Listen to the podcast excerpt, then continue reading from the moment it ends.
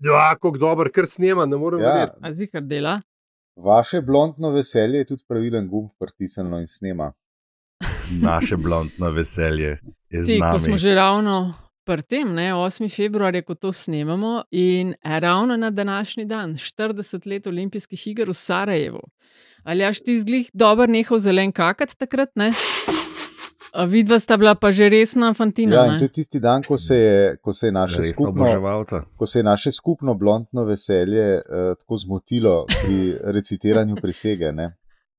Dej. Še Ja. danes čutimo smok v grlu Ja. in zadrego. Vsi smo dihali mislim- tisto zadrego z njim. Jaz totalno občudujem vse, ki nastopajo na teh velikih prireditvah in morajo iz glave citirati kakšne stvari. To je res prešerno. Tako, Po pa še, te, po pa še smuči, pa medalje, medalje dobivajo. ne. Ja. Ja, ne, mislim, da vse, kar nam manjka, je sam še Bojan Križaj, ki bi recitiral za slovenski državni praznik uh, zdravljico ali pa kaj takega. Wow. No, ampak res, kakšni so spomini na, na te olimpijske? A imate kakšne posebne? Jaz imam enega, mislim, ta, ta je res tako, tudi da uh, čas, v katerem smo živeli, oziroma živimo. A veste, a veste, po čem se jaz res spomnim? Moja mama je takrat, zdaj že pokojna, delala nekaj na tej olimpijadi, ona je delala v turizmu in je od nekod privlekla, pa ste zdaj, za me pa za brata, vsak mu eno konzervo Coca-Cola.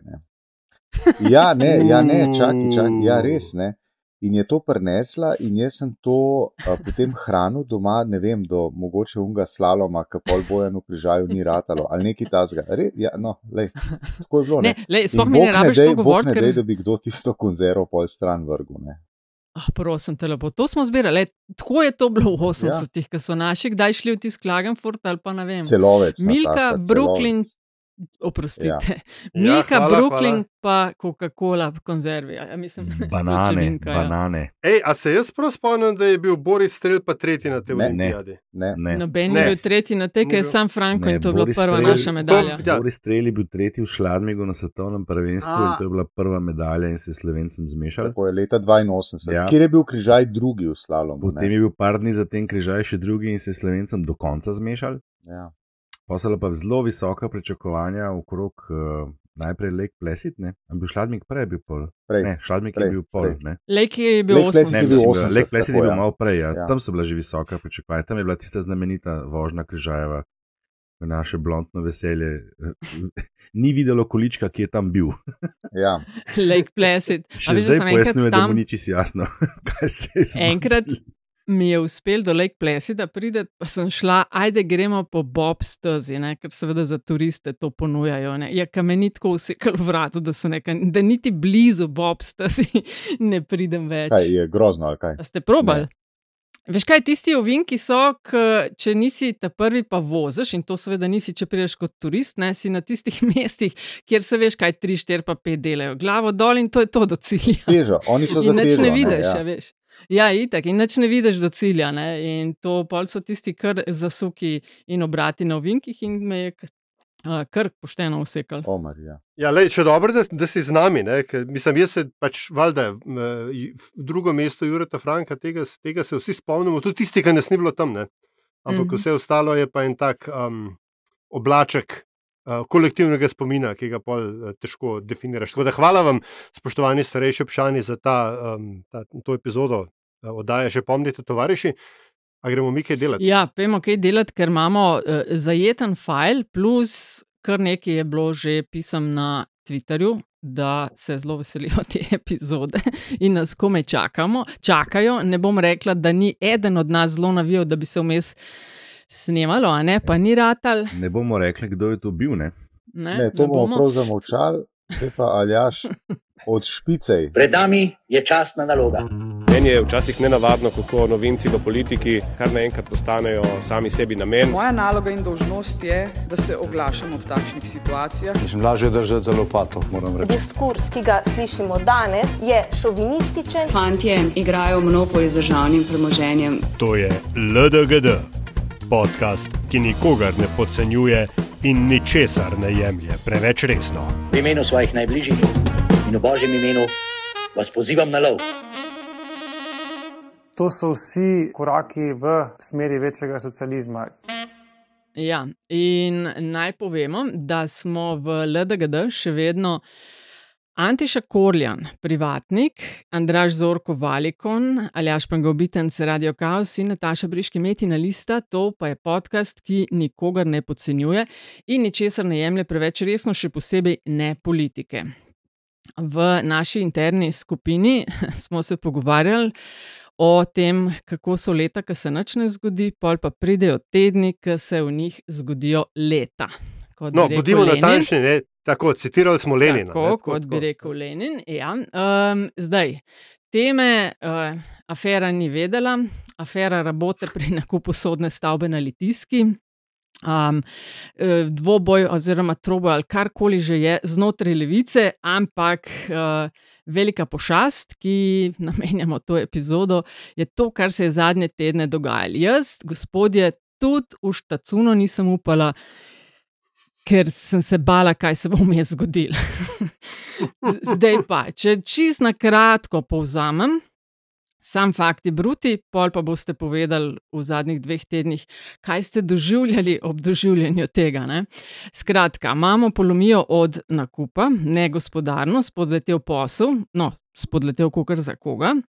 Um, potem prevzemanje odgovornosti ministrice Dominike Švarc-Pipan in ustrajanje na funkciji, kljub temu, da so jo stranki pritisnili stop. E, imamo premijeja, ki je ne ali pa strateško izkoristil ta obračun, uh, to, ta nakup za obračun s koalicijsko partnerico. Na plan prihajajo tudi spopadi znotraj SD-ja, kjer se očitno na novo, mogoče celo mešajo karte. Zadnje dogajanje je ministrica ponudila odstop, premijer je rekel, da ga bo sprejel. V SD-ju so žrtvovali nekaj ljudi. Ampak to je to, a sem pozabila še ali jaš kakšen fakt znotraj tega. Ba, to je več ali manj to. Ne? Mislim, da je to bolj ali manj to, razen tega, da je zdaj zaenkrat, um, mid-season finale je, da, majo, da so ugotovili, da bi še vedno radi sodelovali še naprej. Ja, no, to, to je veliko presenečenje. Ja. Uh, ja. um, Andraš Aljaš, ima kdo silno željo, da začne? Jaz imam samo eno prošlo, ker vem, da imamo veliko zapovedati, da poskušamo si čim manj skakati v besedo. To so namreč bili par mailov na naš račun. Jaz teh mailov nisem videl, tako da ne vem, o čem govoriš. Veš, kaj vam vse prešparam? Tudi vse pohvale. No, pa ne, Andraš začne, zato ker je tako želel, da že imate emergentno, ja. pa smo jo, pa smo jo zani, zanikali. Izvolite, gospod doktor, spoštovani, tako rekoč poznavalec. Ko, ko, ko ni antiše našega blondnega veselja, sem bil prvi na vrsti, čist presenečen, nisem vedel, kaj ne rečem. Zdaj spet ne. Blondno veselje je tle, spet sem jaz prvi, kaj ne zdaj govorim, kje ne začnem. Spet, nisi, začnem, spet nisi količka videl, ne? Kje ne začnem? Začnem mogoče včeraj zvečer. Uh, Tanja Fajon v odmevih, v, v strašno bojeviti poziciji, ki že s telesom in, in načinom govora kaže, da stvari niso v redu, pripričuje, da je vse v redu. To se mi zdi še posebej zanimivo. Uh, trenutno imamo, po mojem, neko, neko primirje, slejko prej spričo ne toliko praznika, kot opcije podaljšanega vikenda, ne? da gremo lahko malo v miru, kakšne počitnice oddelati. Ampak jaz mislim, da stvar še ni končana. No. Tako, uh, po mojem mnenju se je šele zares začel. Um, jaz sem na začetku primerjal uh, Dominiko, oziroma njen tisti prvi ključni nastop, ko je razložila, da ne bo odstopila in ko je s prstom pokazala in tudi poimensko naštela konkretne akterje v tej aferi z uh, najnovejšo serijo, ki je na Netflixu na voljo in likom v njej, to je Grizelda. Več pa ne povem, pogledajte si, če hočete vedeti, o čem govorim. Še posebej priporočam za ljubitelje narko serij. Uh, šla je zelo bojevito vse skupaj. Uh, kar se mi zdi tle, je pomembno je to, da smo prvič priča enemu zelo odkritmu, ne, ne samo spopadu, ampak uh, vsaj poskusu, če ne dejanju, uh, razkrivanja nekih rabot internih znotraj strankarskih uh, korupcijskih elementov, tega jaz ne pomnim zadnjih 30 let. Ves čas se govori, kako ne bi se eh, to v Sloveniji dogajalo, nihče nikoli ni tako konkretno s prstom pokazal. Še posebej nekdo, ki je v bistvu del tega kolesja. Zdaj, kakšna je vloga Dominike Švarc-Pipa, jaz tu ne bi špekuliral. Sloh rečem, sam, kakšen je moj osebni vtis. Ne, uh, ne bom pa zdaj ugotavljal, koliko je bila ona upletena ali ne. Ampak kako obrnemo, ne? to je presedan. Ne?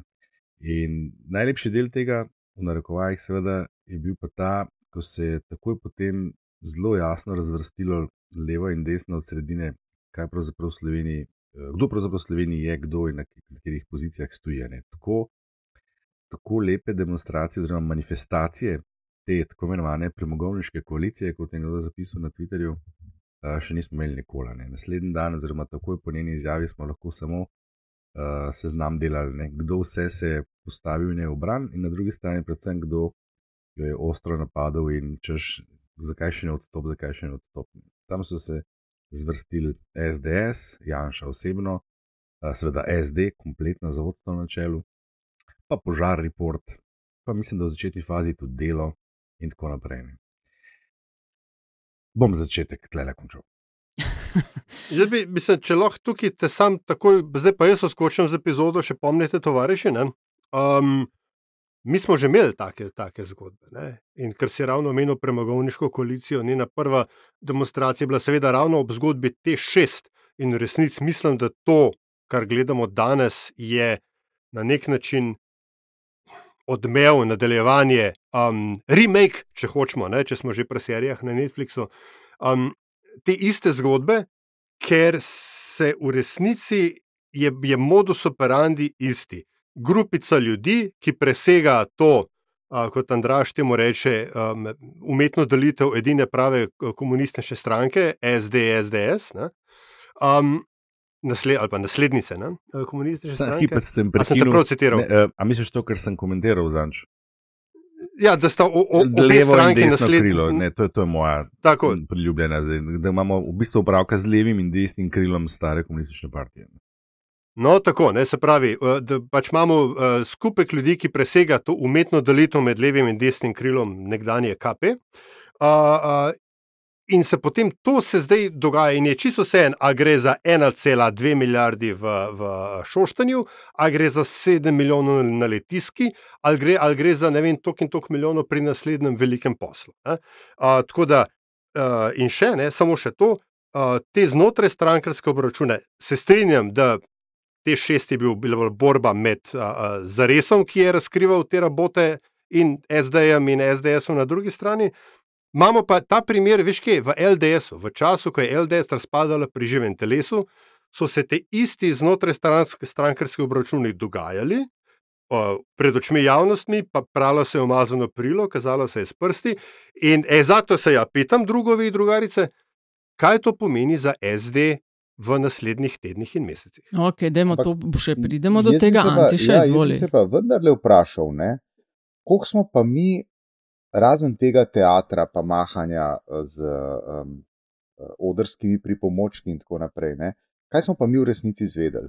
Dajte mi povedati, ne, da so absolutno nespametno, nepremišljeno in nadaljujte niz uh, primernih, uh, kako se reče, pridevnikov, ne, kupili pač tam eno pol podrtijo na litiski, ne, pa da je uh, generalni sekretar socialnih demokratov poslal en SMS. A smo še kaj drugega od tega zvedeli?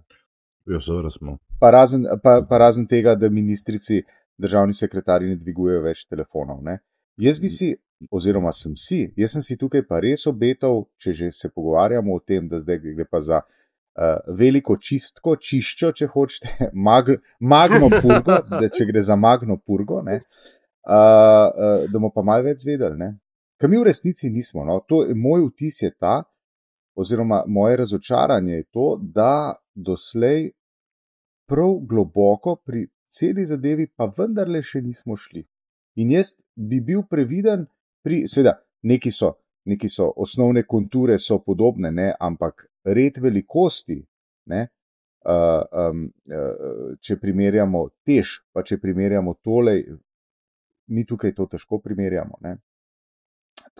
No, mislim, prim, sam, prim... Ne zdaj, veš, ne zdaj ja. relativizirati tega. To se mi zdi tudi en od poskusov, kako zmanjšati pomen tega, kar se je dogajalo, ker se je v javnosti skušal uh, ta spin zapeljati. Ne? Pa se je sam 7 milijonov. Ne, ne, ne, ne, ne, Andraš, ne, ne, bizarno, ne. ne, ne gre, za to, gre za to, da smo zdaj mi tako na eni ravni, na eni ravni smo priča res velikemu, vsaj obetu, če že ne prestrukturiranju razmeri na levi sredini oziroma na levici slovenskega političnega prostora. Na drugi strani se moramo pa vprašati, kaj je tisto, zaradi česar se je vse skupaj začelo. Mene to spominja, veste, tako, uh, ko se zakonski par se skrega, zato ker je ona ali pa ona, ne vem, sta na robe, ne vem, vilco odložila ali kaj tasga.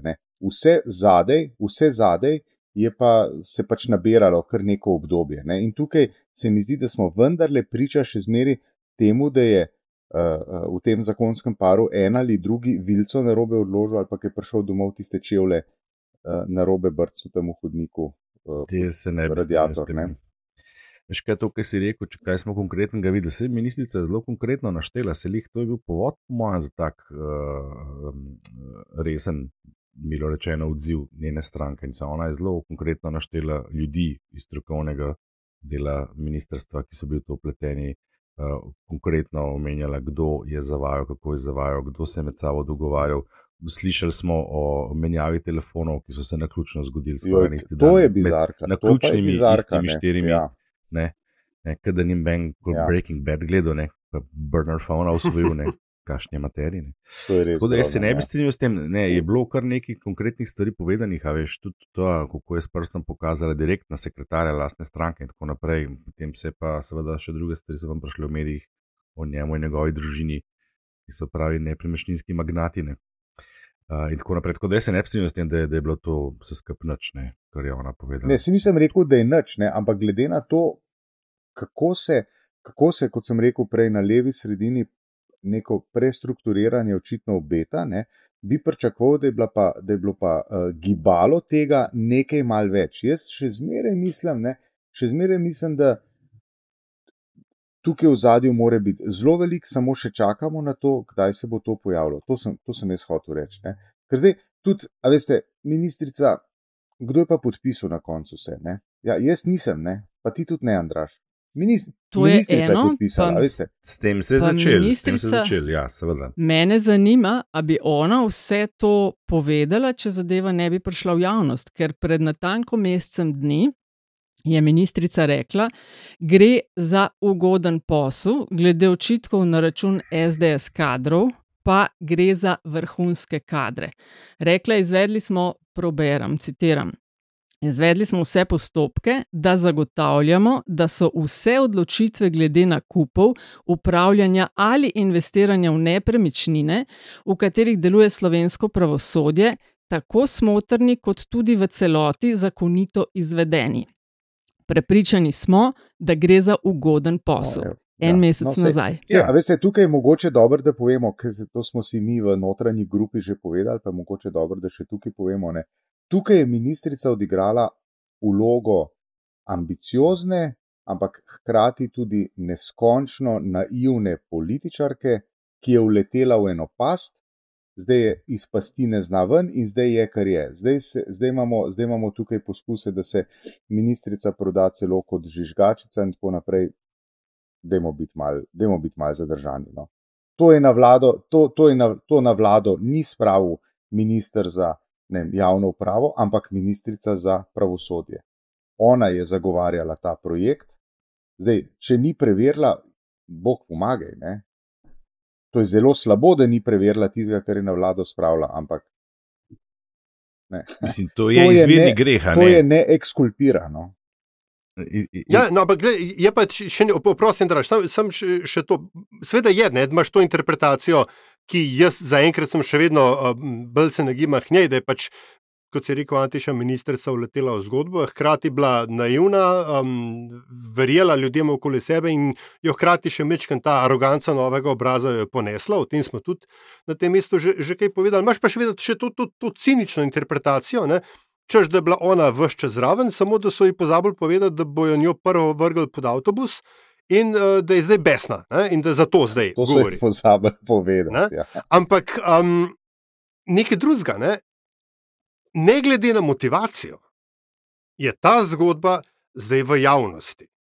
In ta zgodba kaže na nek modus operandi, ki je z mojega stališča enak ne glede na to, ali gre za milijarde ali gre za milijone. Ne? Se pravi, v bistvu veš ta perfidnost, ne, da ne rečem ta um, um, enostavnost razumevanja politike, da se vsakeč znova, mislim, politike kot orodja upravljanja skupnega, da se vsakeč znova na isti način skregaš, zmeniš, podtakneš, uh, uh, lažeš, če hočeš, za čisto vse en, koliko mal ali pa koliko velik denarja. V bistvu to je mogoče to največje razočaranje, ne? to, kar si Antiš rekel, da smo upali, ne? da, da bo nekaj več. Sej, mogoče še bo. Ne?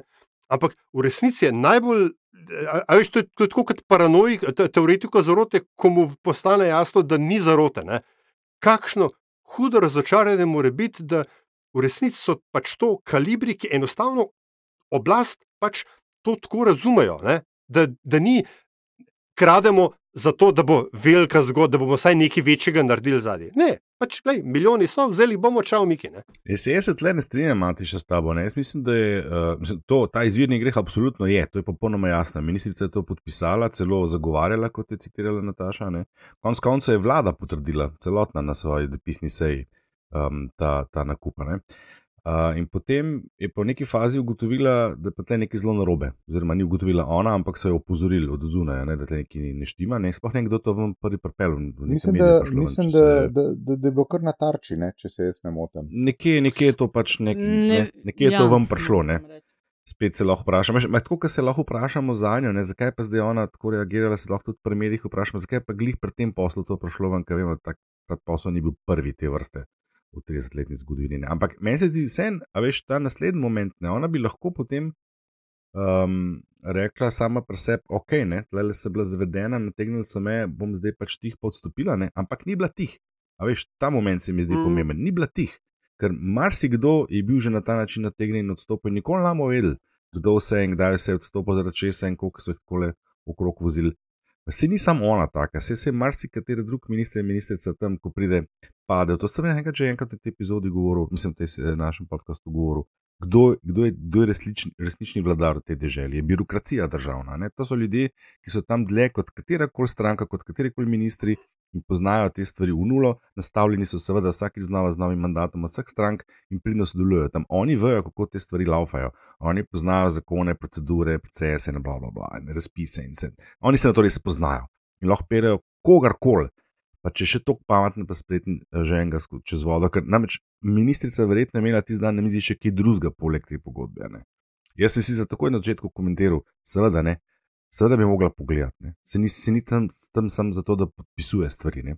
tudi zato, da kakšno stvar preveri. Ampak tle je pač šla na zaupanje, zato so strokovne službe, da take stvari delajo, ker ne more ministr mikromanagirati čist vsake pogodbe posebej. In ko je ugotovila, da so stvari šle zelo narobe, se je za razliko od drugih ustavila in verjetno vedela, kaj, kaj, kaj sledi, ker se dne osebno tiče. Si konec koncev to zdaj uh, javno uh, oznanila, da je ponudila odstop in bo odstopila, jasno. Ne?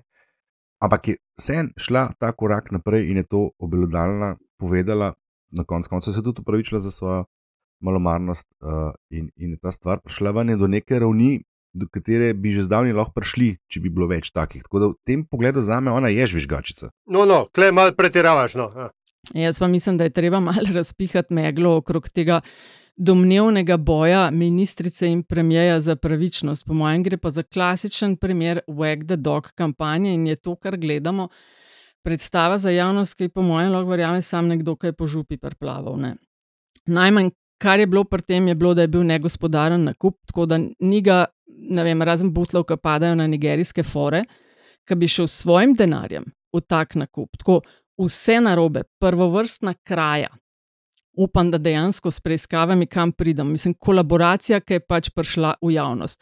Po mojem je to zelo verjetno, da so pravosodno ministrico že eno čez vodo pelali, ampak ne glede na to, da je par tednov to nazaj to zagovarjala in da nosi odgovornost, bi ji premije že en mesec nazaj mogel reči, da želi videti njen odstop. Tega seveda ni storil ker je v tej kolobociji ne samo pravosodno ministrstvo, ampak tudi finančno in tudi vlada, ki jo vodi uh, Robert Golopne. Videl pa je priložnost za kloftanje SD-ja. Se ne, da si tega ne bi zaslužili. Pozdravljam a ti, pa. A ti trdiš, da so oni vsi vedeli, da to ni v redu, pa šele potem, ko je stvar prišla ven, začeli drugače So govoriti. začeli bežati od te Hočeš zgodbe. reči, Ja, jaz so mislim, da Dominika Švarc in Robert Gold, da so upleteni in da so oni odgovorni. Ti govoriš isto kot SDS v resnici. Jaz ne vem, kdo vse govori to, ne, ampak eh, absolutno je pravosodno ministrstvo to podpisalo, ministrica to zagovarjala. Tako da čist reči, da eh, ne vem, ni vedela in je to dovolj, se opravičujem. Ah, oprosti, mal previsok položaj za kaj takšnega. Ne? E, a si ti Jaz pravim, da je šlo Nataša, za negospodaren nakup, za katerega upam, da bo kdo v zaporu. Ampak dvomam, močno Jaz pa močno dvomam, dvomim, ta Nataša, boj za. zgodilo. No, sej, to je pa druga, ampak ta boj za pravičnost, ko se s prstom kaže v en konc, pa eh, drugi konci so bili pa čisti, se mi pa tudi zdi mal predstava za javnost. Mislim, pozdravljam to novo odkrito zauzetost premijeja za razčiščevanje.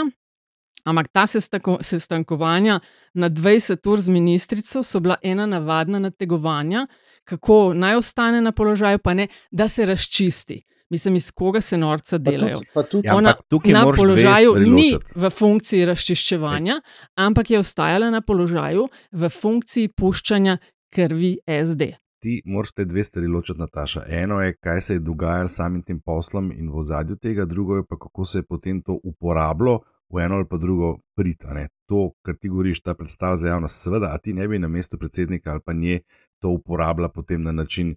Da bo tep najbolj koristil, če se ti sam znajdeš v taki zagati. To, je- to, bilo- to Absolutno, taktične samo poteze, to pravim- nimajo veze s tem, kaj je bilo v poslu. Ne, to, da če, se, če, se, če so golob pa, pa ministrica potem uporabljali to na način, da so zdaj začeli razčiščevati- z SD, to še ne pomeni, da so oni upleteni v ta posel na drugi strani, ampak da izkoriščajo situacijo. In to je pač politično modro z tega, z tega vidika gledano. ne. Jaz trdim, jaz trdim da, da, eh, da se lahko zgodi, pa če si še toliko pozoren, a ne, da ti pri vseh stvareh, ki ti pridejo na mizo, kakšno tako stvar potaknejo in mogoče v tistem hipu spregledaš, priznaš, objektivno si odgovoren, odstopaš, tle sploh ni dileme, da ne bo kakšnega ne, nesporazuma. a Ne? Ampak da potem, ko se to zgodi in ko to poveš in pokažeš s prstom na stvari, da si potem deležen očitka, se zato pa, ker si ti vse čas itak bil v tem, potem so te pa okrog prenesli, zdaj pa okrog govoriš, s tem se pa ne morem strinjati. Jaz se pravim, jaz ne poznam ozadja, ampak meni, oprostite, Dominika Švarc Pipa ne res ne zgleda kot, kot, ni- niti uh, kot pošten politik, ne morem reči, da je to oksimoron. No, no, no, res no. ne zgleda kot, kot uh, politik, ki bi, ki bi lahko uh, na ta način funkcioniral. No. Mislim, Ker tudi konec koncev, se ne dokončam, strinjaš, ne, a veš. Ne, samo da ja. dokončam, ne, tudi če, če bi bilo to res, a ne, in če, kot ti trdiš v resnici, ne, potem a bi si ona res upala jeti tako daleč s svojimi izjavami, ker bi potem seveda vedela, kaj sledi, ko pride preiskava. Ker če bo preiskava pokazala, da je bila ona upletena v to, da je ona bila vse čas vedela, da je v resnici ni bila zavedena, pa je pa res popoln konc. No, tako da jaz verjamem v to, kar ona govori, da je bila zavedena. To je, to je izvirni greh. Ne? A je bila zavedena ali je bila del tega? Ti Ampak praviš, da je bila del tega. Jaz na, pravim, na, visokem, na visokem, če smem se mečkano vključiti, na visokem političnem položaju si zato, ne, uh, da nisi zaveden. Ti si tam zato, da poskrbiš za to, da se take stvari ne dogajajo. To je prva stvar. Druga stvar. Jaz mislim, da je Dominika Švarc-Pipan, ko bo enkrat izstopila iz tega kroga, v katerem se zdaj še vedno vrti, bo ona kot politik ekspresno hitro pozabljena. Dominika Švarc-Pipan politično v resnici nima teže. Ona je tja prišla v enem eh, drugem poskusu, spomnimo se mečkam tudi, kako je ona postala. Se spomnite tega? Pravosodna ministrica. Ona je bila že na izhodnih vratih, da pravosodna ministrica ne bo. Potem je, pa, potem je bil pa njen nastop, kako je dobila iz lastne stranke nože v hrbet. Se spomnite tega? Se spomniš Mhm. tudi tistega, kako je zagovarjala premijeja v, v primeru Bobna? Tako, to je, Tako. a, tako da jaz mislim, da tukaj, da, da, da ona politične teže nima in je pristala ali pa je bila porinjena v ta položaj, kar je še slabše, na to, da je žeton v igri med SD in gibanjem Svoboda. In še dve stvari. Prva je ta, da če jaz pozdravljam veliko zauzetost Roberta Goloba za to, da, da, da, da se razčiščujejo nejasnosti, hkrati pa upozarjam, da uh, mediji in javnost, zdaj pa že kmalo bosta dve leti, odkar se pričakuje odgovore na neke teme okrog financiranja določenih uh, medijev iz obdobja, ko je bil on še predsednik uprave Genija, pa to, tega še kar ne dobimo. To je ena stvar. Končno pa tisto, kar moram pogled, uh, povedati, je pa naslednje. Ne? Mi, po mojem, tisto, kar nas kot državljane mora zanimati, ali pa nas štiri kot opazovalce tega, kar se dogaja, je to, kaj je ta ali in kaj je ta zgodba sprožila. To je pa tisto, čemu sem prej na začetku rekel, prestrukturiranje, morebitno na uh, levem, levem centru oziroma levici slovenskega prostora.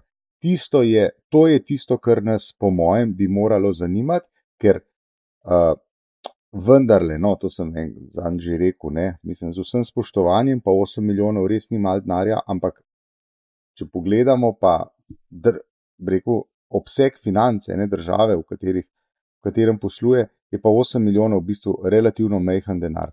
Tisto, kar nas zanima, je to, kaj se zna tukaj zgoditi. Ali bo gibanje Svoboda končno jim uspelo prevzeti neko dominantno vlogo na levici slovenskega prostora, ali bo ta vloga še vedno, kljub vsemu, če gledamo v nekem časovnem kontinuumu, ostala socialni demokraciji. To je tisto, to je ta proces, ki je bil zdaj sprožen in po mojem je to tisto, kar moramo zelo pozorno opazovati. Evo. Mislim, nobenega dvoma. Ja, ali pač ti imaš drugačno, antišom, drugačno, jaz pa spet. Mislim, najmanj, kar je to, kar se. Nakup je bil negospodaren. To je treba preiskati in najti, kje se je začelo in kdo je kriv za kaj takšnega. Ne morem pa kupiti te, ne, tega nekega boja za pravičnost, aha, bo ostala še dva, tri tedne, da pridemo do dna tej zadevi. Če ona danes gre, ali pa čez pet let, je čist neodvisno glede tega, kam bo preiskava pripeljala. Mi imamo inštitucije in konec koncev lahko ustanovijo posebno parlamentarno komisijo in gas. Dej, Nataša, da samo vprašaj se, če si ti na tem njenem mestu in poveš, kar poveš, Uh, kaj je edina stvar, ki jo še imaš v roki, da se lahko dneve in nekaj tednov potem boriš zase? Kaj je to, da ostaneš na tem mestu? To je bil njen edini leverage, kot se temu reče. Zakaj je bil na drugi strani SD tako živčen, tako paničen, s takim nastopom, z vse kriple zahtevo razrešitev, pa se pa nazaj potegnil? Dajmo gledati malo okoliščine okrog tega. Jaz, meni se zdi, da absolutno logično z njega vidika, ko se enkrat v ta položaj sama postavi in ko, ko jo je še lastna stranka na ta način izvrgla iz svojih nedri, ni preostal drugega, kad ostane na tem mestu, ko ima še moč vzeti pooblastila določenim eh, ljudem v strokovni službi in tako naprej. To je bilo edino, edino nič ni mo ničesar ni mogla več zgubiti. Če gledaš čisto osebno, z njega vidika je bilo to edino logično. In to ne dokazuje njene, njene upletenosti v karkoli. Razumeš? Kukorkoli obrneš, je pač dejstvo, da se to smo že večkrat rekli. Ona je pač to podpisala. Ne? Ampak a, a, jaz se na, na nek način strinjam s tabo, Andraž, da je a, a, bila zaželjena njena reakcija, da reče: Ok, me ne marate več, ne? pa grem, da odvrže lopatko in gre iz peskovnika. To so seveda vsi hoteli. Um, tisto, kar se mi zdi, da je razlika med njenim ravnanjem in pričakovanim ravnanjem slovenskega politika ali političarke, je v tem, da ima, domnevam, ona alternativo ne, v, v privatnem sektorju. Ker problem teh ljudi, večinoma, ki pridejo v slovensko politiko, je, da je, da je to vrhunec njihove kariere. To so skozi hotel, oni to hočejo, to je vir njihovega bogatstva, socialnega ali materialnega. Ne. Dominika Švarc-Pipan pa je imela kariero predtem in jo ima lahko spet po mojem, če hoče. Ne? Tako da to je vendarle pomembno in mogoče je to ta razlika v kulturi, ki bi jo si želel več v, v, v, v slovenski politiki. A, nekaj drugega pa vendarle, ne? okolo zadnji. Še ena druga stvar se je zgodila, skoraj paralelno s tem. Slovenska politika je, kot se kaže, dosegla dogovor o gradnji eh, drugega bloka nuklearke. In zdaj moja teza je, da je vse to, kar se dogaja um, na relaciji med Golobom in uh, SD, da je v bistvu pokazna vežba za to, kdo bo na naslednjem velikem energetskem projektu uh, odločal o tem, kaj, koliko denarja bo kam šlo. Ne? In to je tisto, kar sem prej govoril, da je čisto vse en, za koliko denarja gre, ker je to ta naslednji veliki projekt, ki bo pa, ne vem, koliko so rekli, 15 milijard, zdaj popravite me, če sem tam, ampak resnično največji infrastrukturni projekt v zgodovini te države, by far. In če bo SD, če je SD mislila, da bo operirala na projektu JEK2 v navezi z SDS, tako kot je operirala v projektu T6, ne, potem je tukaj, če hočemo, zdaj pa malo teoretično zarotniško razmišljati, je Robert Golob podstavil nogo in je rekel: Ljubški, ne. Tokrat to ne bo potekalo tako, bo potekalo tako, kot bom jaz rekel. Ne? In vendar, te zgodbe ni konec, ker ne pozabimo, v politiki vedno velja tretji nutno zakon, zato mene tudi zanima, kaj vse bo v nadaljevanju prišlo v medije okoli Roberta Goloba, okoli Gibanja Svoboda, okoli raznih rabot tam. Tako da mislim, da bomo zdaj nekaj časa imeli eno obdobje, ko se bo pralo umazano perilo levo in desno in na sredini.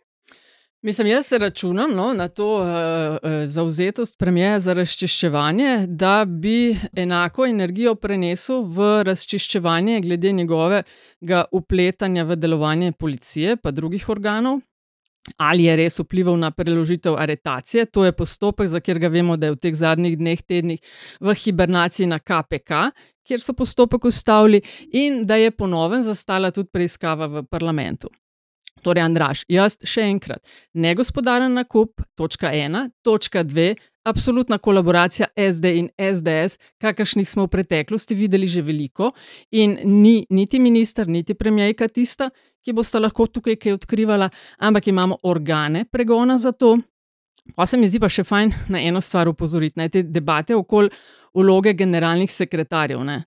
Mislim, to so glavni operativci strank, to jokcanje, kam da se upletajo, Pa kako se ne bi smel, to se mi zdi tudi še le pravljica za lahko noč. Mislim, res da se jim reče, kaj ali imaš tajniki uradni naziv. Ne? Različno, General, generalni okay, sekretar, nihče, tajnik, kar je. Ne? Ajde, ampak nihče na tem mestu ni tajnik, tajnica v klasičnem pomenu, ne prelaga papirov, ne dela zapisnikov sestankov, ne kuha kofeto in tri pikice, ne?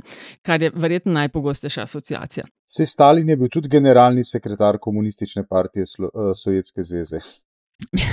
Mislim, generalni sekretarji v teoriji, v praksi pa valjda varirajo stranko operativno vodjo. Oni so za kadre, so za finance, so za strategije strank, so za komuniciranje in jasno, da stranke deluje zakonito, etično, ampak poleg tega in to ni nič čudnega, so absolutno upleteni v koordinacijo z ministri, ki vodijo določene resorje, ki spadajo pod njihovo stranko. Uh, problem je, mislim, minister je politična žival in ne nekdo, ki tja pade z neba.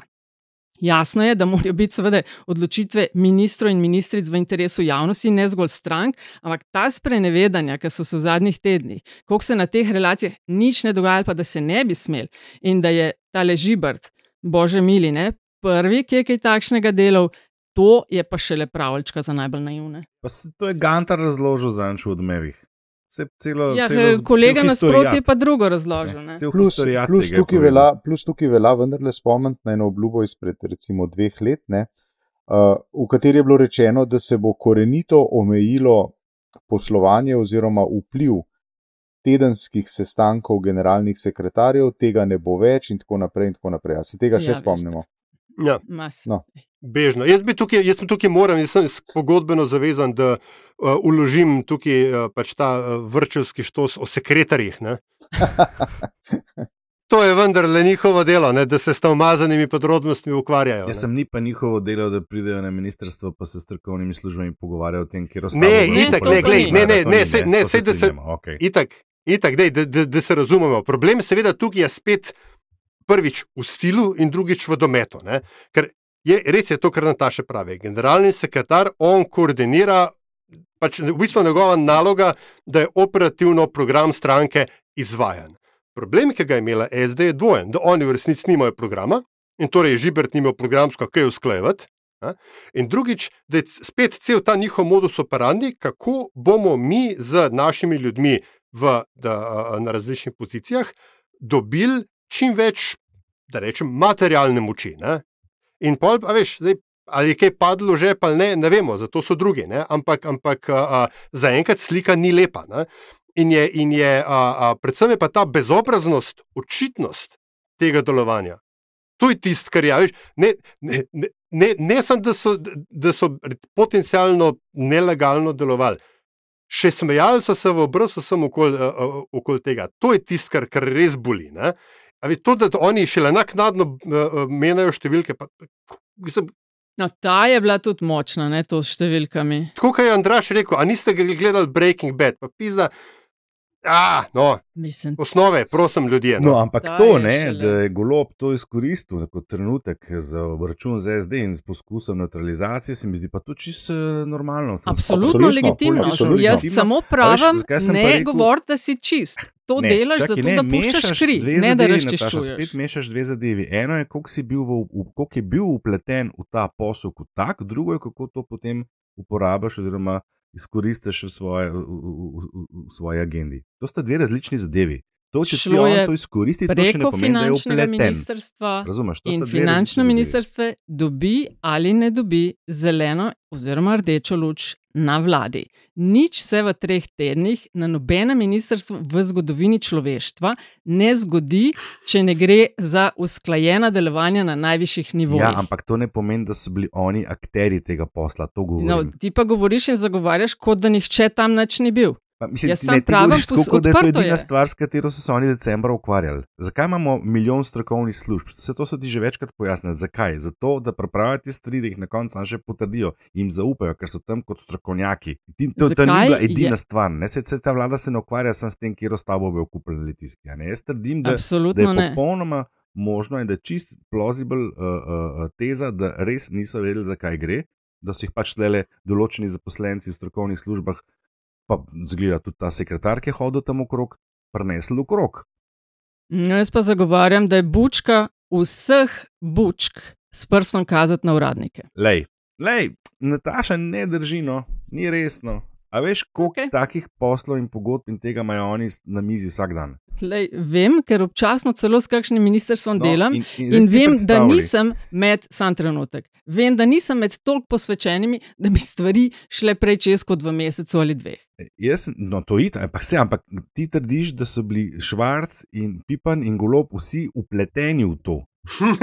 Jaz govorim, da Še so, enkrat, da so dali Andraš, to skozi. ne jaz, ne so- ti, nisva bila zraven in ne veva nič. Samo sej. sklepava Sej. na podlagi nastopov in teh informacij, ki jih imamo. In imamo pač drugačno videnje. Je moje bliže temu, kar pravi tudi Antiša.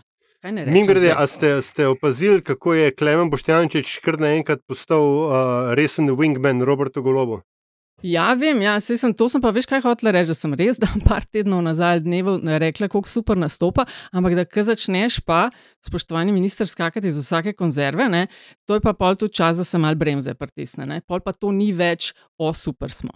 Uh, ja, recimo, ker, ker iz te iste konzerve ni skočil takrat, ko je predsednik vlade napovedal 600 evrov per capita za sodni sistem. Ne? Vsak mesec. Takrat, takrat Ja, ja, ja. finančnega ministra ni bilo približno nikjer, kaj šele v vsaki konzervi. Tako da Mhm. meni je sicer super biti teta iz ozadja, ampak ne, kle smo zdaj mal preveč. ja. Izvoli. Antiša, a, kako ocenjuješ a, fajt na levici? Ne? Ker a, tole v SD-ju po, pobere više manje vse kisik, ki je na voljo, ampak a, anaerobno vrenje v stranki Levica pa tudi ima svoje posledice. Ja, jaz, eh, ko, ko, ko, ko, ko je ta novica tistega dne prišla ven, ne, tisti dan je bil res eh, poln takih, takih eh, breaking newsov. Ne, sem se jaz spomnil, um, se mi zdi, kmalu po volitvah, ne, ko je šla levica v vlado, smo bili spet pametni, ful ne, in se. Ne bom rekel, da smo tak razpore, um, razplet in ta ra- razplet napovedovali, ampak zgodilo se je to, kar je v bistvu zelo logično. Ne.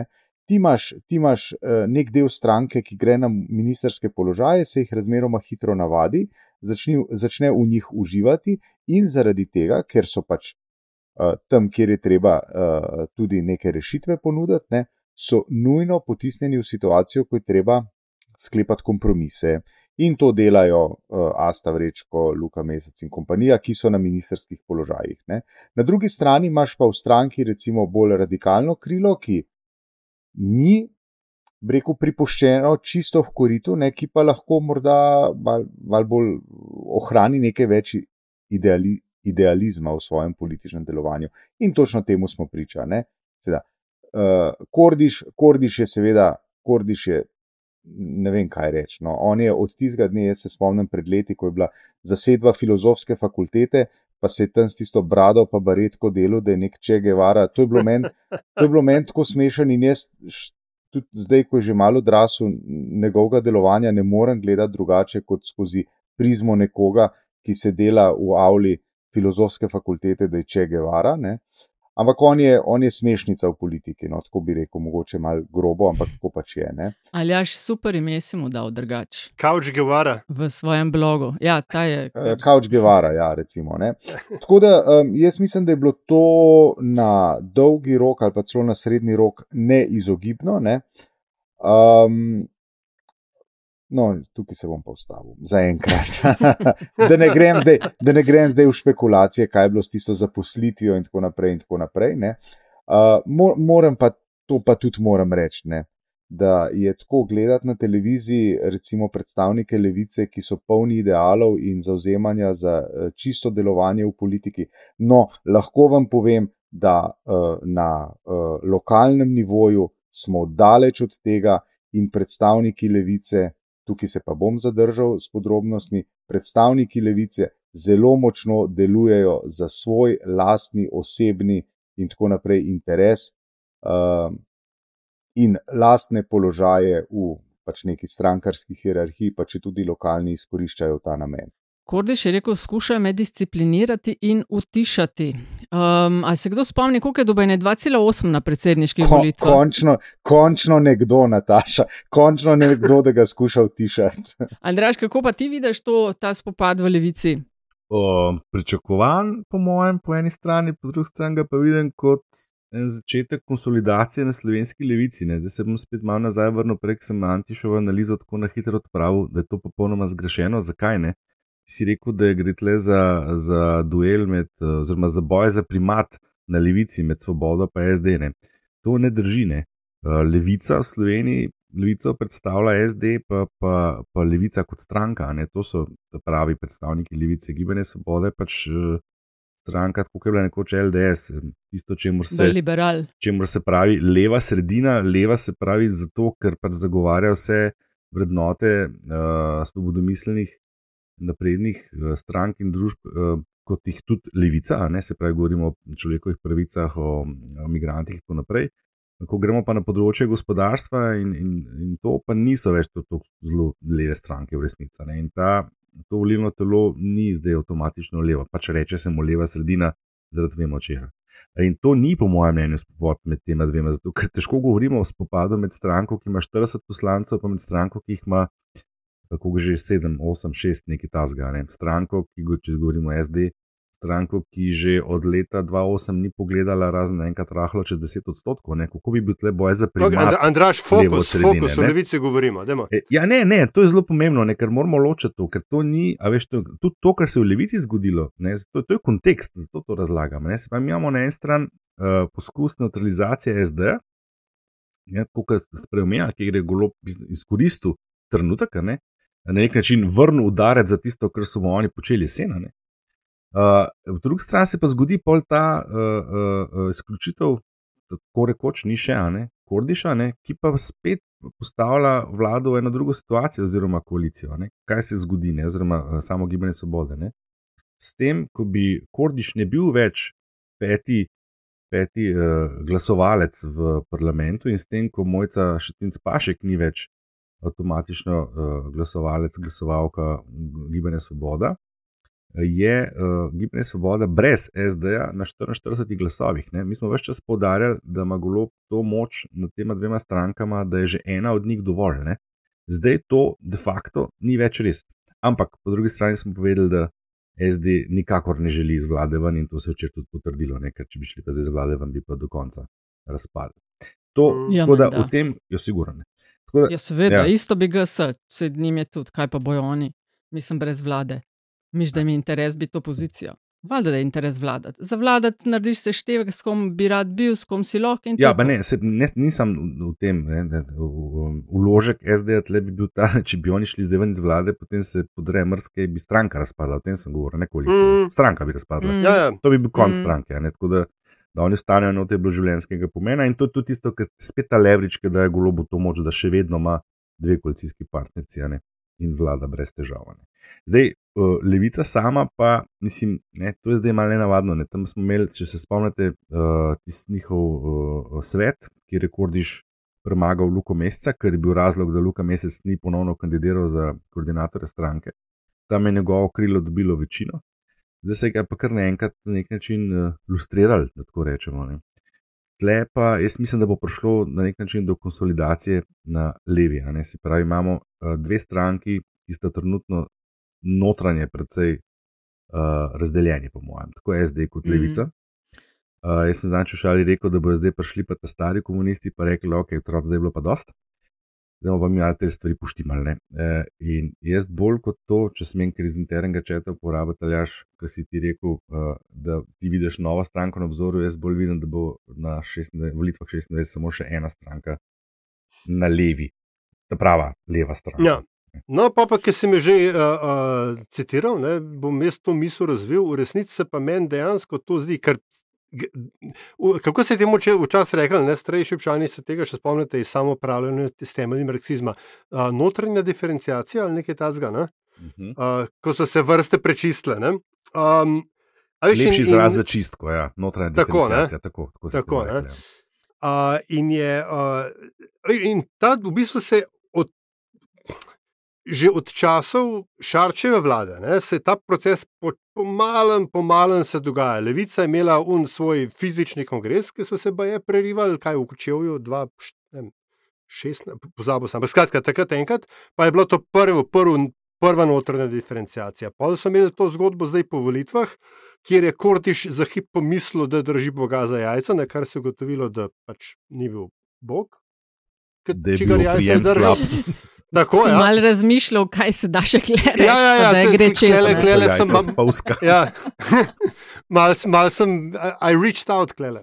Ja. A, a, a veš, SD pa tudi v resnici, v bistvu že vse te zgodbe s tešem, ne, je, je, a, se pač te centri moči se tako, malo se, mal se pozicionirajo, in je, in je uh, vedno tako, opažam, da je vedno manj nekega prepričanja, ne, saj iz nekaterih skupin v teh dveh strankah, zakaj bi pa mi klej bili še zraven. Uh, in in, je, uh, in klej jaz vidim pač nek bazen ljudi, ki bi lahko, morda tudi brez upa zmage, ne, uh, se uh, samo organiziral in našel pač neko. In oni bi temu sebi, sebi bi rekli pravo socialdemokracijo. Ne?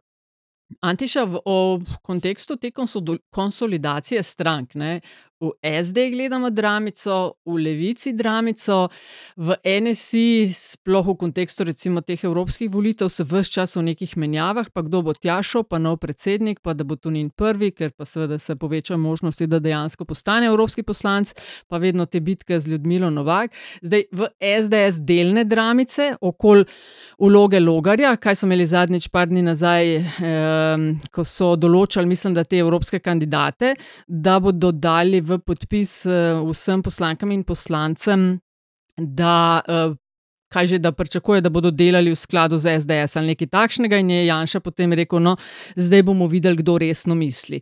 V tem trenutku se zdi, da pač edin v gibanju Svoboda en mir.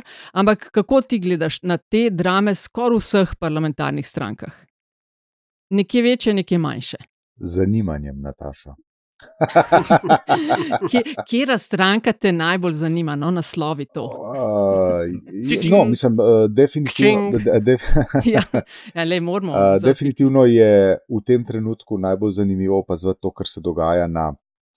Uh, pa me bo Andraš spet kregel na levici ali levi sredini. Jaz sem sicer Andraš tudi uporabljal izraz levo od centra, uh, prej ko sem govoril. Uh, Uh, skratka, ja, to, to, kar se lahko izpostavi, da, da sta to dve različni zadevi. No, ja, se, to, kar se dogaja, se pravi levo od centra, SD, gibanje Svoboda, levica, to mene v tem trenutku najbolj zanima in zato se mi zdi vredno upozoriti, da to so neki procesi, ki bodo, po mojem, na dolgi rok stvari morda tudi uh, spreme, spremenili. Ne? Na desnici do nadaljnega, po mojem, ne moramo pričakovati pričakovati večjih, večjih premikov. Ne? Dobro, tole, kar je, je Anžel Logar uh, izstopil, oziroma pač, uh, ni izstopil, ampak je pač, uh, se angažiral še na eni drugi platformi.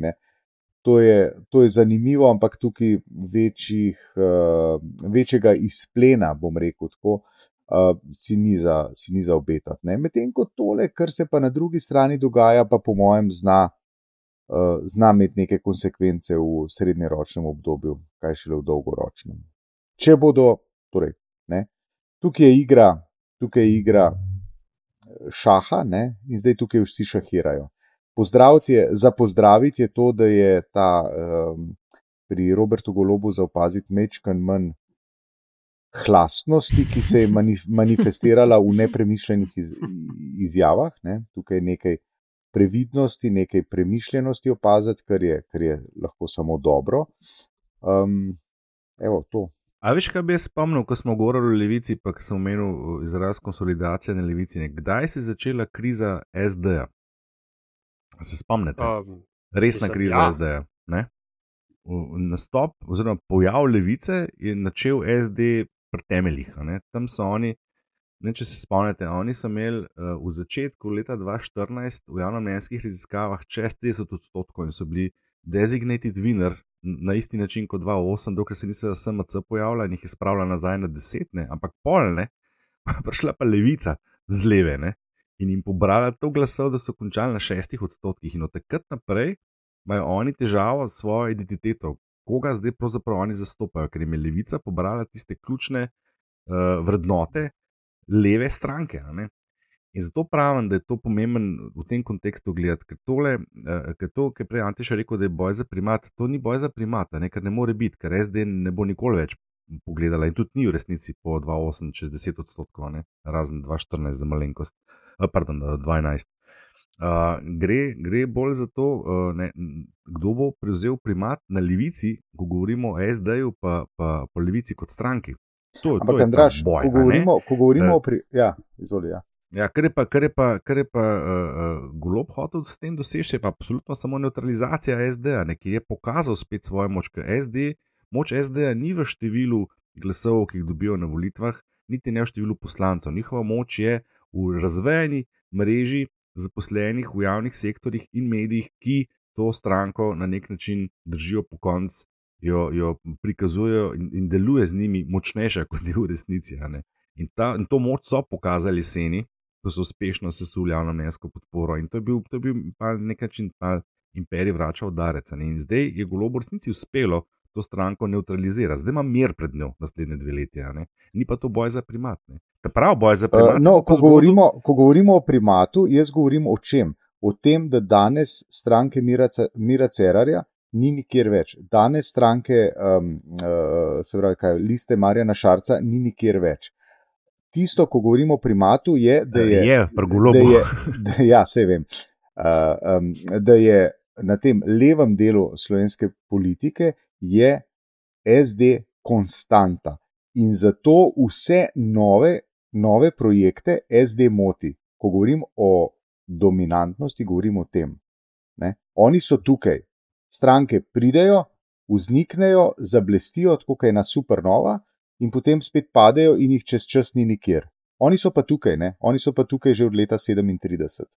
Ponos, ponosni Konstantno dediči. med 6 in 10. Ne, ja. ne, ne, ne, oprosti, oprosti, ni- niste na tekočem za zadnjo ideologijo SD-ja, zdaj so uh, čebine, vse to so zbrisali, ne obstaja več, ni več v strankarski dogmi, zdaj imamo nebolozne, uh, nebolozne navezave na pojav so- socialdemokracije na Tržaškem pred 120 leti in tako dalje. Tako da, Antiša, prosim, da popraviš. Uh, I, sta, I, st- I stand corrected.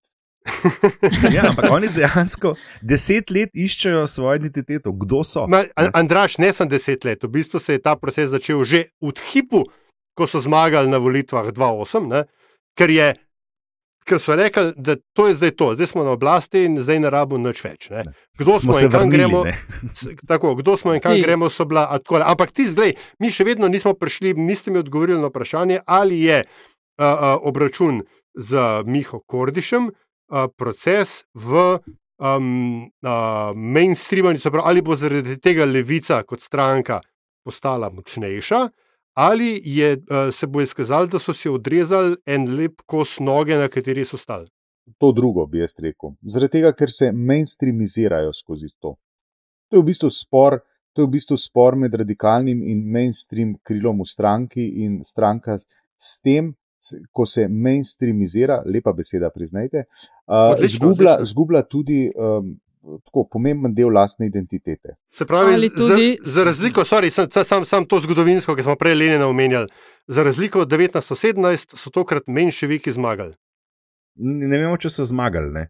Mene to spominja tako na, na uh, relacijo Ljudmila Novak pa NSI. Ne. Tam je tudi večina podpirala Ljudmila Novak, ampak žal niso bili voljivci NSI-ja.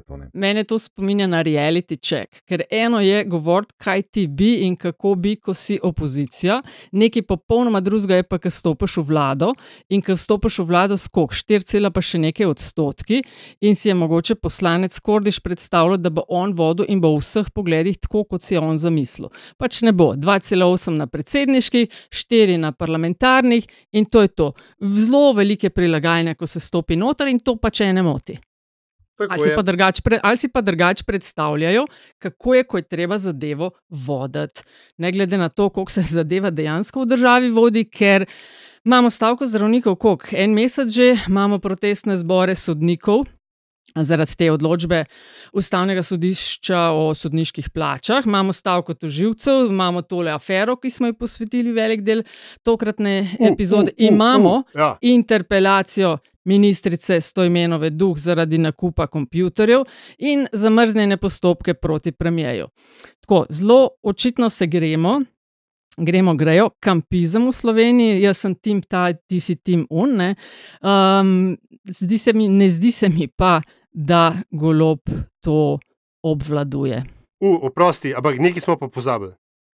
No, mislim, razvoj dogodkov, ki mislim, da bodo temeljev pretresel uh, slovensko politično realnost. Vladimir Prebilič bo na voli, evropskih volitvah nastopil stranko Vesna. Kakšna ja, epizoda je to, kar je rekel? Ne? Če se ne meni Vladimira Prebiliča. Koga? Ja.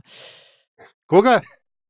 Nataša, koga smo imeli? Lej, SDS je vse. Ja, sem... no, a ste bili presenečeni, da so upokojenci rekli, ne gremo s Prebiličem? A, stranka upokojencev, desus, ne? ste opazili? To, je, mislim, to vidiš, to je principijalnost, to, to je jajčnost. To je jajčnost, da stranka, ki je ni nikjer, ki je dobila manj. Meni je kot... hecno, da še kar so neki. Aj, mislim, ker oni tudi niso toliko dobili, da bi tisto, ko par strank dobi še ene odstotke, glede na uh, količino glasov, ki so jih prejeli. Ne? Oni so šli čez ne, eno. Ne, ne, ne, 0,6 nekaj. Sam mislim, da imajo oni na lokalni ravni nekaj, veš, ker tudi pol iz lokalnih proračunov nekaj dobiš po istem kopitu. Ampak to, a veš, ta jajčnost, ne, da se ti tako popušil popolnoma ne, na, na nacionalni ravni, ne imate više in ti pride Vladimir Prebilič in reče, da je se mi nekaj zmetne in ti njemu prst spustiš, rečeš, odjevi, stari, nisi ti dovolj dober za nas. To, to je principijalnost. Da ne govorimo o tem, da so tudi Karlo Rjavcu rekli, da ne, ne. Ta, ta je pa sploh. Čakaj, kaj, gospod Hotus, uh, kaj, spet kandidirati? Ja, pa jaz se nekaj, jaz se nekaj govoril, da je neki svet v tem okolju. So mu rekli, da glej, ne, ne veš, kot toksični bivši rečeš, da ta četrtič pa, pa res ne bomo šli več skupaj. No, med, med temami, ki ste jih prej našteli, uh, interpelacija ministrice Stomenove duhe. Ja, uh, ja. To smo zaznali, da se je SD takoj postavila spet. Seveda. Nekaj ja, naključno na isto stranke SDS in so blokirali. Tretji zakon, nutnov zakon, tretji nutnov zakon. Tako, je antiž, ali, ali jaš o tem govoril, ja, reakcija pri A bomo zdaj pričali dejansko, reakcija. da bodo v parlamentu skupaj glasovali? Ne? Mislim, ta poteza meni osebno bi rekel, da spet, ja, reakcija, reakcija, zelo otroče in precej nespametna, ne? ker oni so v resnici blokirali neki, ker bi rešili zadevo in zdaj bojo uh, skupaj mm -hmm. z SDS tulili, da ministrica ni rešila zadeve. Mislim, on, mm -hmm. ne, to so ja, zelo le, reakcija na tisto sestankovanje na 20 ur. Ja, ampak bojo res si prvo šli to, da bi glasovali skupaj z SDS?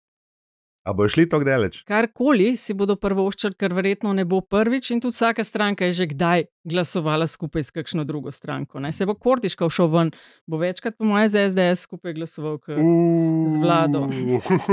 pa da mi je videti ta film. Ja, vse smo ga že. Če se spomniš, kaj so že imeli, ko je uh, šel stran od levi, glede ne dodatkov. Ja, oh. ja, ja vem, uskladitve pokojnin. Ja. Tako nekaj. Ja, ja, ja, ja. Um, ne, dej, a, mislim, vem, da imamo še ful veliko zapovedati, sam jaz moram, uh, uh, imam resen del na današnji kulturni praznik, ko to snemamo, tako da gremo mi lahko, prosim, malo na bizarke, ali ima še kdo kakšno resno temo, ki bi jo naslovil z ustreznimi deležniki. Ja, lahko bi govorili še dve uri. Ne? Ja, to je res.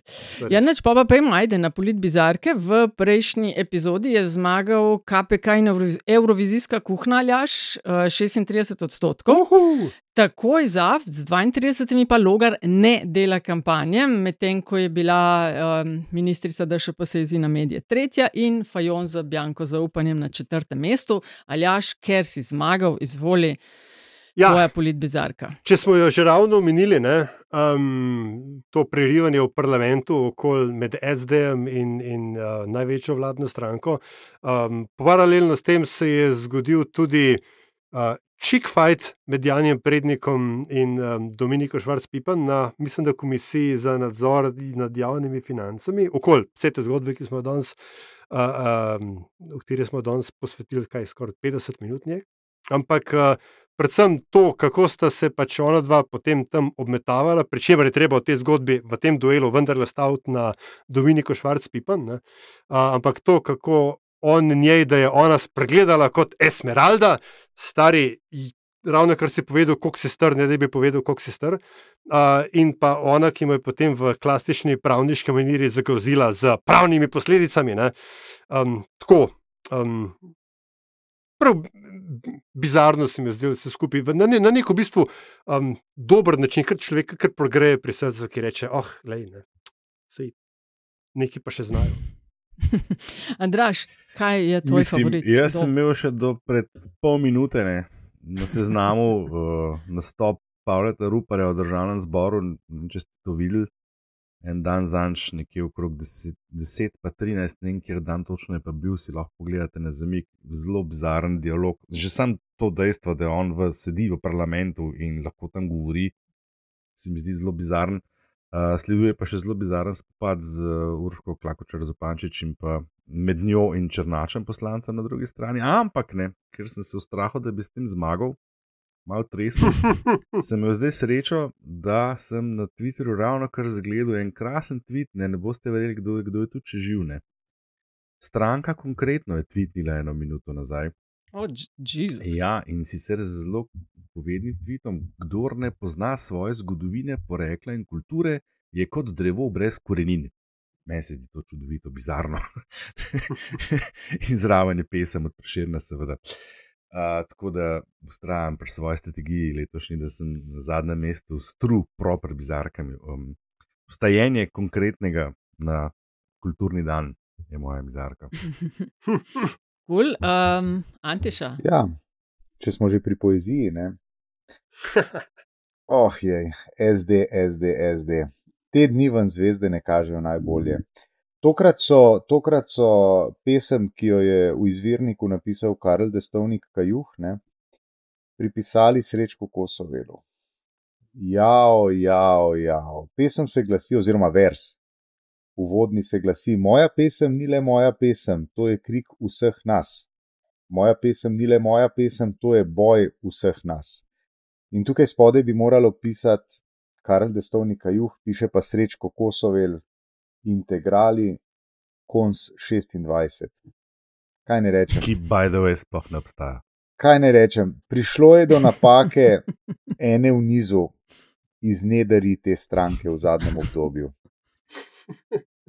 Ja, lej, mislim, lastnim se odrekajo. Ne? Lej, Konsistentni so, ne. Ki ima hudič, mlade jih ima na kupu. Um, moja bizarka je pa, mi v LDGD doskrat razpravljamo o tem, o plačah in kdo kaj zasluži, pa ne zasluži. Pa um, tudi v kontekstu vseh teh stavkovnih eh, pozivov po usklajevanjih, pa zdravniki in kdo si kaj zasluži, pa ste to. V ekipi golobovih varnostnikov sem pred dnevi brala na dnevniku. Je bilo med 14 varnostniki kar 8 takšnih, ki so prejeli več kot 6000 evrov bruto plače, dva med njimi pa celo več kot 7000 evrov. Za primerjavo, decembra je premijer Golob dobil 6500 bruto. Tako meni se zdi jako bizarno, da njegovi varnostniki zaslužijo več od predsednika vlade. To je pa moja bizarka. In gremo na zadnjih 30. Um, Aloh je, aloh je, aloh je.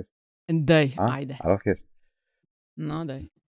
The Greatest Night in Pop, to je dokumentarc, ki je v zadnjem, ne vem, mogoče tednu, dveh prišel na Netflix. Pripoveduje pa o en- o enem dnevu in eni noči, če se nisem zmotil, v kateri so takrat največji zvezdniki ameriške glasbe uh, zbrali so se v enem studiu v Kaliforniji, mislim, da in posneli znameniti komat We Are the World, ki je bil namenjen pomoči Afriki takrat. ne. Uh, impresivno je videti, kako so v en studio prišli uh, Charles, Lionel Richie, Michael Jackson, Bruce Springsteen, Paul Simon, Diana Ross, Steve Wonder in tako naprej. In tako naprej ne. Skratka, celo kasnejši Nobelovc Dylan je prišel, ki tam stoji, pa se mi zdi, da mu ni prav jasno, kaj se dogaja. Vsaj tak je vtis potem, kar se vidi na, na filmu. Uh, takrat sta manjkala Madonna in Prince, sicer so bili pa to res glasbeniki, ki so v tistem obdobju prodajali desetine milijonov albumov, uh, ki so se prostovoljno dali pod komando takrat Quincyja Jonesa in nastalo je pač, kar je, kar je nastalo. Ne. Tisto, kar se mi pri tem filmu res zdi zanimivo, je uh, en kup zanimivih posnetkov iz zaodrja. Uh, najbolj presenetljivo je pa uh, to, ko opazuješ, kako uh, res zvezdniki takrat aktualne ameriške pop in rock produkcije ne, hodijo do svojih uh, mladostnih idolov in jih prosijo za, za uh, avtograme. Ne. To se mi pa tako zdi, ne, sploh, tako, pa ne bom rekel ganljivo, ampak blizu tega. Ne. Skratka, prodaš milijon ali pa uh, par milijonov plošč, pa prideš pa do nekoga, ki si ga poslušal kot mulj in mu rečeš: Oprostite, a lahko jaz dobim vaš, vaš podpis. Ne? Skratka, The Greatest Night in Pop na Netflixu. Priporočam, priporočam, priporočam. Ali ja, A, kaj a pa se lahko jaz zagrebem, Aha, prosim, izvoli, ker se izvoli. malo navezuje, bom imel še jaz zdaj svojih zadnjih 300. Uh, glasbeno Lepo gledano, si mi vrnil, lepo si mi vrnil. ja, to sem čakal sem na to priložnost. Se ne. V glavnem tudi eh, Netflix um, serija Playlist, uh, ki govori o tem, kako je nastajal Spotify. Mm, moram priznati, obrtniško gledano, zelo zanimiv izdelk. Izdelk uh, prvih pet epizod prikazuje to zgodbo z vidika posameznih ključnih akterjev. Uh, zelo fajn, zelo fajn pristop, sploh tretja epizoda se mi zdi čudovita. Ne vem, če je bila slih tretja, ampak tista, ki je naslov Law, zakon. Uh, in seveda potem šesta epizoda, ki je pa vnesla veliko nemira, ker se dogaja v bližnji prihodnosti in je uh, njena poprečna ocena Netflixu tako za ne dve ali tri nižja kot cela serija in grozni komentarji so v glavnem, ne bom več preveč povedal. Zelo priporočam o tem, serijo o tem, kako je nastajal Spotify z novom playlist. Pa še on more personal note, uh, pošiljam tople objeme in pozdrave poslušalki, ki je današnjo epizodo z mano v živo spremljala vse čas, ne da bi se tega pravzaprav zares zavedala. Aljaš, ti si na vrsti, si dobil kar eno zelo lepo pohvalo, vse sem jo delila s tabo za tvoj izbor prejšnji teden. Ja, hvala. Ne? Tako da, bravo, izvoli, kaj imaš? Um, jaz sem tudi ostal presenetljivo v pop vodah. Z veliko zamudo sem prejšnji teden poslušal epizodo podcasta The Daily z datumom, mislim, da 15. december, o Taylor Swift. O fenomenu Taylor Swift, zakaj je tako premikajo, pač zakaj premakne ljudi tako kot jih. Um, kako se ljudje, kako se današnje generacije v njenih, njeni liriki najdejo. In uh, čeprav sem jo z radijskega ne, vidika spoštoval v smislu, ne, glej, ne, kaj zna in kak, kako ji uspeva, moram reči, da sem šele po tej epizodi zares razumel, zakaj gre. In jo uh, toplo priporočam vsem, ki jih kakorkoli zanima, ali ki so Swifti, ne, ali pa jih zanima, zakaj Swifti obstajajo. Tako da, evo, to.